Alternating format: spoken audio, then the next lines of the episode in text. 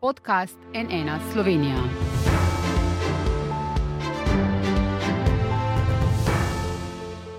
Dobro dan, to je NN studio. Zimske olimpijske igre so tik pred vrati, še ene zaznamovane z epidemijo. A nekaj tudi v ukrepov in mehurčkov v polnem Pekingu ostaja enako, da so pred velikim delom športnikov z vsega sveta tekme njihovega življenja da jih čaka preizkušnja, za katero so trdo delali in se leta in leta marsičemu odrekali. In velike tekme so vedno tudi priložnost za velike preobrate in presenečenja, zato je pritisk na nesporne favorite za medalje še toliko večji. Kako se z njim spopadajo, kako premagajo tekmece in same sebe, kako hud stres je neprestano testiranje in upanje, da ti ne bo treba tik pred najpomembnejšim nastopom v izolacijo na mesto na tekmo. Kdo bi to lahko vedel bolje kot prva olimpijska prvakinja v športnem plezanju v zgodovini, zadnja dobitnica olimpijske medalje za Slovenijo in na zadnje tudi športnica leta 2021, Janja Garamberet. Dobr dan, dobrodošli na NN. Ja. Nikoli tudi jaz ne bom pozabil, ko ste v Tokiu po koncu tekme na tisto prvo vprašanje, ne, eh, kdo je najboljši na svetu, izstrelili, odgovorili jaz. Ne, in kot da smo slišali, kako se vam je takrat od srca odvalil balvan, če tako rečem. Ne, uh, takrat ste rekli, da se sploh niste zavedali, pod kakšnim pritiskom ste bili in da ne veste, kako ste ta pritisk zdržali. Danes morda to že veste. Ja, jaz zdaj, ko pomislim za nazaj, so spomini še vedno živi, še vedno se res spominjam vsakega trenutka, kak je bilo na olimpijskih igrah. In ja, tako ste rekli, res se je takrat kamen odvalil iz mojega, od mojega srca, ker um, res nisem se zavedala, pod kakim pritiskom sem bila, ker tako sem že večkrat rekla, nekako sem pritiskala sicer skozi vajena, ampak tak, tako velikega pritiska, kot, pa, kot je pa pritisk olimpijskih iger, še pa nisem doživela. In um, res, zdaj, ko pomislim za nazaj, mi je še vedno zmeri noro, kako mi je uspelo prenesti ta pritisk, res se zbrati in narediti tisto, kar je bilo treba za narediti. Um, imam pa lepe spomine, seveda, kljub temu, da um, je bila epidemija, da sem bila pod velikim pritiskom, imam pa res, res, res lepe spomine. Pa je bil morda ta pritisk tako velik tudi zato, ker ste vedeli, da lahko postanete prva olimpijska prvakinja v plezanju v zgodovini, kar je v bistvu edinstvena priložnost in nekaj neponovljivega. Ne? Je bil tudi zato tako velik? Ja, sigurno je bila neka kombinacija vsega skupaj. Torej, plezanje prvič na olimpijskih igrah, um, prve olimpijske igre, seveda biti prvi olimpijski prvak v športu, ki je prvič na olimpijskih igrah, ni kratko. Uh, to je seveda bil dodaten pritisk, ampak predvsem pa je bil pritisk, ki sem si ga zadala sama, ker vsi vemo, da olimpijske igre je delo štirih let in res sem trdo garala za to in sem v bistvu sama sebi naložila tak pritisk, pa seveda kot glavna favoritka za v bistvu ne za medaljo, ampak za zlato medaljo je bilo tudi, um, ni bilo glih lahko prenašati, ampak sem nekako vse skupaj probala vzeti vse po svojo korist, da sem, da sem to vzela kot pozitivno, da ljudje verjamejo v mene in da me podpirajo, uh, da sem nekako to probala vzeti um, dobro, kot dobro. Koliko vam je pa to pokvarilo načrte, da so bile pač olimpijske igre zaradi očitnih razlogov, zaradi epidemije predstavljene za eno leto? Vemo, da je pri športnikih vse zelo natempirano, da je treba pač formo tempirati, zato da prideš pač na največje tekmovanje res v najboljši formi in potem se nekako je bilo pričakovati, da se bo to zgodilo, ampak vendarle ne, za mig za eno leto lahko spremeni marsikaj. Ja, um, jaz bom rekla, Tako da, ko sem, slišala, ko sem prvič slišala, da bojo olimpijske igre predstavljene za eno leto, seveda nisem bila glih zadovoljna s tem. Ker 2019 je bila tista sezona, kjer sem zmagala vseh šest balvanskih tekem in sem upala, da bom lahko to svojo formo. Pa tudi psihično pripravljenost in vse prenesla tudi v olimpijsko leto. Um, Tako da bom priznala, da je bilo razočaranje kar veliko, ko so bile olimpijske igre predstavljene. Uh, Um, ampak pol pa sem, kot sem že prej rekla, sem to vzela, pač probala vzeti sebe v dobro in sem imela in sem v bistvu ugotovila, da imam ful velik cajt zdaj na trenirati še hitrost, res sem izpilila do potankosti, uh, pa trenirala sem še več balvanov in težavnosti. Tako da pol na koncu se mi zdi, da meni osebno je eno leto mi je v bistvu veliko doprineslo. Uh, no, pri nekaterih ponudnikih pretočnih vsebin je že na voljo dokumentarni film Stena pot do zlata, ki spremlja štiri zvezdnice svetovnega plezanja na poti do olimpijskih iger. V slovenskih kinih bo na ogled od 15. februarja. Poglejmo pa en krajši sek s treninga Janje Garambret. Aj lepo. E, ne morem. Tiho!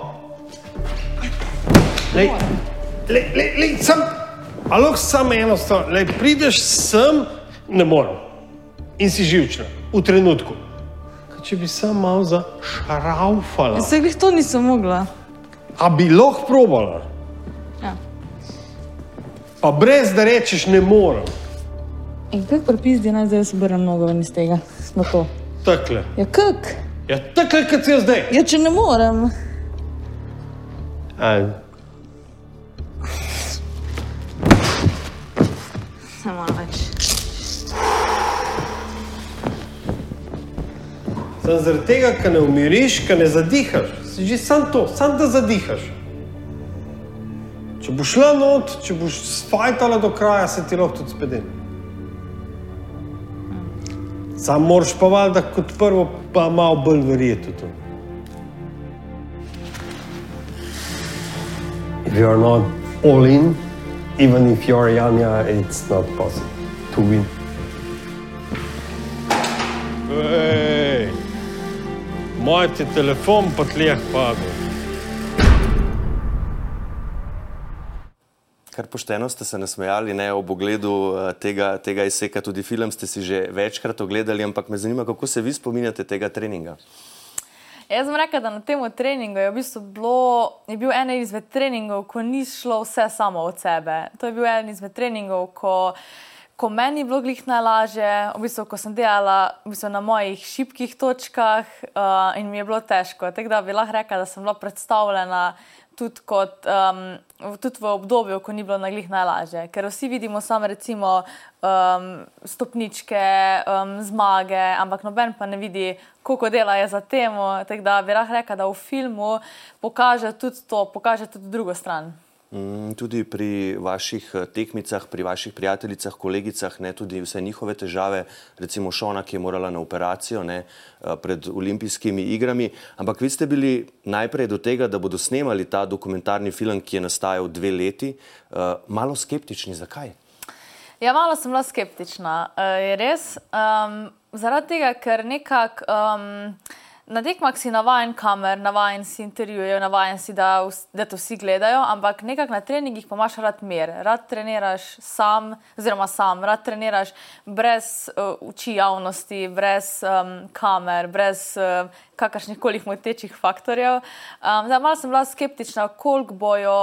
Uh, invazivni, če lahko temu rečem. Um, ampak pol na koncu so bili pa res spoštljivi, razumeli so, da imam rada mir na treningu in tudi v bistvu niso bili sploh moteči. Sploh so bili so tam, ampak nisi vedel, da so tam. Um, pa tudi kamer sem se pol navadila in um, potem je bilo čisto v redu. Pa tudi razvili smo dober odnos z um, snemalci, da smo se pol že hecali vmes na treningu in pol je bilo res fajn. Pa ste morali kaj ponavljati, ne? včasih je pač tako, ko se kakšne take stvari snemajo v filmi, ne? je treba pač kakšne stvari tudi ponavljati, ste morali tudi to kdaj.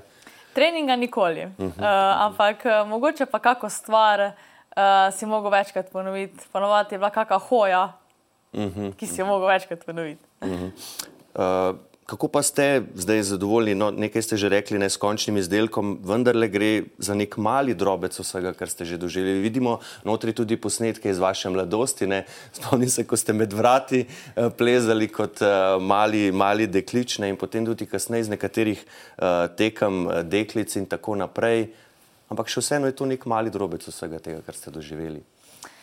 Ja, jaz bom rekel, da v mojem življenju se je zdaj zgodilo že toliko stvari, da imam včasih občutek, da sem stara že 30 in proti koncu svoje kariere, ker je bilo to, to, že toliko stvari, da sploh v bistvu um, ne pomnim več. Um, ampak je pa vedno fajn za nazaj pogledati posnetke in se spomniti, kje si začel in do kam si zdaj prišel. In tudi recimo vse medalje imam še zdaj shranjene, od svoje prve na vzhodnih ligah do seveda zdaj olimpijske medalje. In, uh, vsaka medalja je, mi nekaj pomeni in vsaka medalja me je pripeljala do sem, kjer sem zdaj. In pol tudi videti nekako um, ta film, ko je noter strnjen, vsaj en del tega, je res, um, mi je res uh, užitek pogledati in se spomniti vsega. Um, je pa res, da to je pač mali drobec in je še veliko stvari, ki, ki bi jih rada povedala, pa jih še nisem imela priložnosti, da to bo pa cajt pol še za mogoče kako knjigo ali pa še kako dokumentarno serijo. No, vse kaj lahko tudi poveste v tem studiu, ampak eh, omenili ste uh, medaljo, to, uh, torej medaljo, to vitrino z medaljami, ki jo imate, to vidimo tudi v filmu, pokažete zelo lično, urejeno, lepo zloženo, pravite, da to zaradi tega, ker imate malo OCD-ja, čisto malo, ne, to ste rekli. Um, Ampak tudi rečete, da če dobite olimpijsko medaljo, da bo imela celo omaro zase. Jo ima? Ne še. Zdaj, še, zdaj sem mogla imeti medaljo vse posod sabo in še ni dobila svojega, um, svojega prostora. Um, je pa res, da sem dobila v bistvu na premjeri svojega filma, ko je bila v cukrarni, um, sem dobila stojalo za svojo medaljo, tako da je dobila mesto, ampak moram še pa najti res um, s tem skupaj stojalom vred, mesto sem za to. Mhm. Eh, tudi Val 202 je pripravil vaš portret odlično, eh, kolega Franci Pavšer. Eh, v njem slišimo vašega trenerja Romana Krajnika, ki smo ga videli tudi prej na izseku. In on je pravil v tej izjavi, da ste po kvalifikacijah na olimpijskih igrah, po hitrostnem delu, ne, kjer je bilo kar nekaj težav, deset minut jokali in potem še pet minut, ko ste se že ogrevali za balvane, ste še vedno jokali. Kaj se vam je takrat podilo po glavi? Ja, takrat v bistvu mi, da z Romanom, smo se, ko smo se pripravljali na olimpijske igre, smo res v bistvu šla čez vsak scenarij, ki se lahko zgodi. To pomeni, kaj pomeni, če je um, runda za balvane, če je lahka, kaj če je težka, kako se lotiti hitrosti. Um, kako ciljati, recimo v prvem, um, ko greš prvič hitrost, um, kako se obnašati v drugem delu. Um, v bistvu vse, vse smo šli scenarije skozi in nekako pri hitrosti smo ciljala, da kvalifikacije res grem na 100%, da dobim dobro kvalifikacijsko številko za naprej. Um, in pol se to ni sešlo. Nekako um, imela sem v bistvu toliko slabega časa, ko sem imela takrat, še v bistvu na treningih nisem imela, sploh nikjer, um, že dolgo ne toliko slabega. In res sem jokala 10 minut po hitrosti, ker in tudi rekla sem, da sem dve leti trenirala za brez veze, da sploh ne bi rabila trenirati hitrosti za toliko slab čas. In, Kaj se mi je podilo po glavi, sploh, sploh ne vem. Bila sem v bistvu razočarana na tem, da nisem v bistvu uresničila tistega, kar sem si zamislila v hitrosti. Um, tako da v bistvu sem pa to svoje jezo stresla na balvane, kjer sem pa pol vse štiri balvane preplezala v prvem poskusu. Um, ampak ja, je bilo kar, um, ni bilo najlažje. Um, moram pa tudi v bistvu reči, da je Roman pač oddelal to perfektno. Um, on se mi je smejal, um, kar je zihar meni koristilo, ker sem v bistvu s tem videla, da ni niti malo podvomu v mene, niti malo ni podvomu, da bi lahko šlo karkoli narobe. In to posledično tudi jaz nisem. Jaz sem vesel verjela, da kljub manjši napaki, mhm. to še nič ne pomeni. Vam je pomagalo pri samozavesti? Ste kdaj razmišljali, predelali to pot od prve medalje na članskih evropskih prvenstvih, takrat ste bili stari 16 let, ne? do avgusta, šest let kasneje, po vseh zmagah v svetovnem pokalu in naslovih svetovne prvakinje, eh, ko je bila pred vami olimpijska preizkušnja, takrat ste tudi trenerju rekli, Roman, jaz ne vem, kaj bi bilo, če ne bi zmagala, jaz pol leta ne bi živela. Ne? Ja, pot je v bistvu vlak kratka in dolga hkrati. Um, zdaj, ko pogledam za nazaj, se mi zdi, da se je res zgodilo toliko stvari, toliko nekih izkušenj imam, sem, sem jih dobila skozi celotne tekme, toliko nekih stvari se je zgodilo. Um, ampak v bistvu moja uh, filozofija, če lahko tako rečem, je, da sem boljša, kot sem bila, let, eh, ko sem bila prejšnjo leto, da res um, poskušam biti boljša, kot sem bila prejšnji dan, da res um, poskrbim, oziroma delam na tem, da sem jaz boljša, kot sem bila. Um, ker rezultatsko gledano je težko biti boljši, ampak jaz pa verjamem, da nimaš limitov, da ti osebno si lahko še vedno in vedno vsako leto boljši, tudi če nimaš, um, uh, tudi če po rezultatih tega ni videti. Um, ja. Seveda, ostati na vrhu čim dlje, absolutno. Kaj pa, da bi morda še dodatno, bi bil to lahko motiv, da dodatno izpilite hitrostno plezanje, ne, ki ga niste kaj dosti trenirali, dokler ni postalo jasno, da bo pač del formata na, na olimpijskih igrah? Ja, to so bile zihar moje, uh, tudi moje nekako. Um, ne želje, ampak sem tudi razmišljala o tem, ker prvo, ko je bilo znano, da bo plezanje na olimpijskih igrah in sploh ta kombinacija, seveda nobenemu ni bilo všeč, um, ker noben ni prej treniral hitrostnega plezanja. Ampak, če si hotel biti na olimpijskih igrah, si mogel trenirati vse tri discipline, sploh če si hotel biti kandidat za medaljo. Um, in pol moram reči, da neka hitrost je bilo vedno neko nujno zlo. Ampak pa moram priznati, da mi je ratalo fajn. Res um, uživala sem v treningu hitrosti, zato ker si nekako povezoval vse gibe, um, čas je šel dol, uh, vedno boljši si bil. In tudi pomislila sem, da bi. Um, da bi še nadaljevala s, hitrost, hit, s hitrostnimi treningi po olimpijskih igrah. Takrat je bila še na sporedu svetovni pokal v Džakarti, ki sem se ga tudi imela na meni udeležiti, ki je bil pol nažalost odpovedan. Ampak zdaj moram priznati, da od olimpijskih iger še nisem bila na hitrostni steni. Mhm. Ampak sem imela tudi neke pomisleke, da bi res za Pariz mogoče tudi se pripravljala še zmeri na, na hitrost. Mhm. Kaj pa naravna plezališča, ne? kot prva ženska ste v Lijani v Španiji na pogled preplezali eh, steno ocenjeno z 8C, potem podvig še ponovili. Ne? Kakšne načrte imate tu, kaj je naslednji menik, ki ga želite doseči, kolikor vem, ste glede teh načrtov kar malo skrivnostni. Ja, v bistvu moram reči, da preko sem še hodila v šolo, pa s tekmami nekako nikoli ni bilo čas še za plezanje v skali, um, ker so vedno bile neke priprave, pol tekme, šola uh, in ni bilo čas za plezanje uh, v skali. Um, zdaj pa v bistvu. Z mojo zlato olimpijsko medaljo pa moram reči, da se je tudi v bistvu mal um, imam tudi, dobila tudi motivacijo za, torej za naravne stene. Tako sem bila recimo v Španiji, ko sem splezala 8C na pogled, imam tudi še tam kar nekaj projektov za, za, za splezati, oziroma tudi bi si želela tudi v naravnih skalah predstaviti mejo malček više. Um, In tam pa seveda potencijala ne zmanjka v naravnih stenah.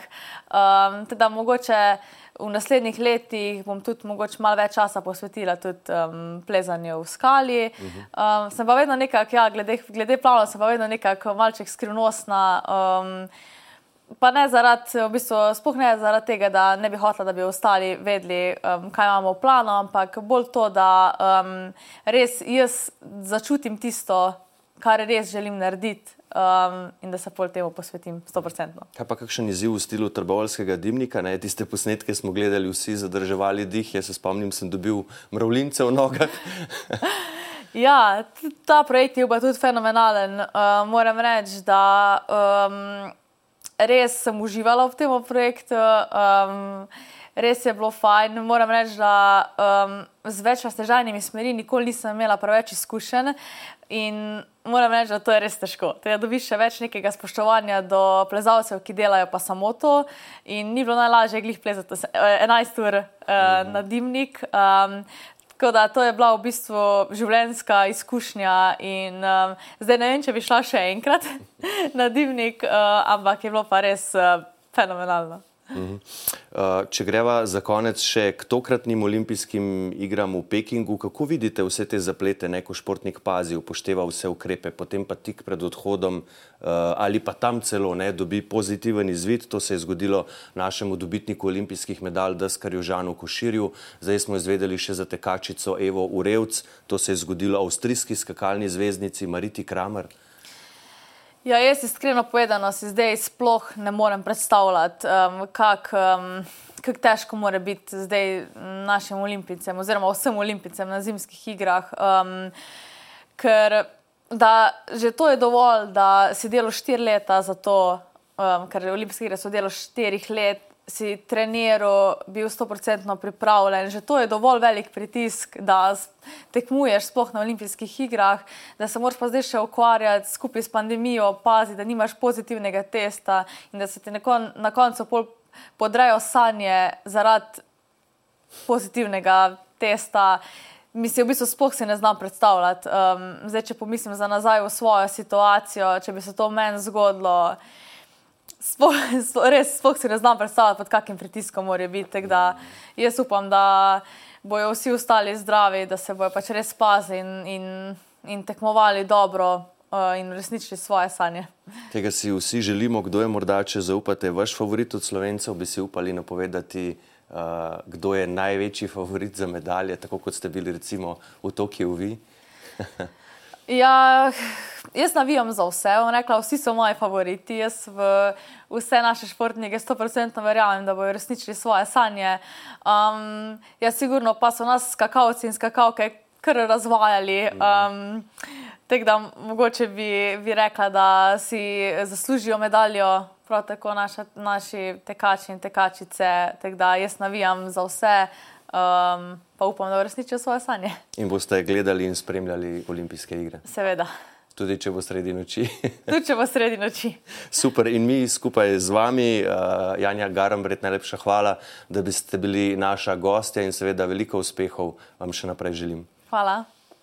Hvala pa tudi vam za vašo pozornost. Seveda nas spremljajte še naprej na nnainfo.si, na sportklub.si pa seveda eh, bomo spremljali sproti vse tekme na olimpijskih igrah v Pekingu in o tem poročali. Zato bodite z nami iz studija. Pa lepo zdrav in nasvidenje.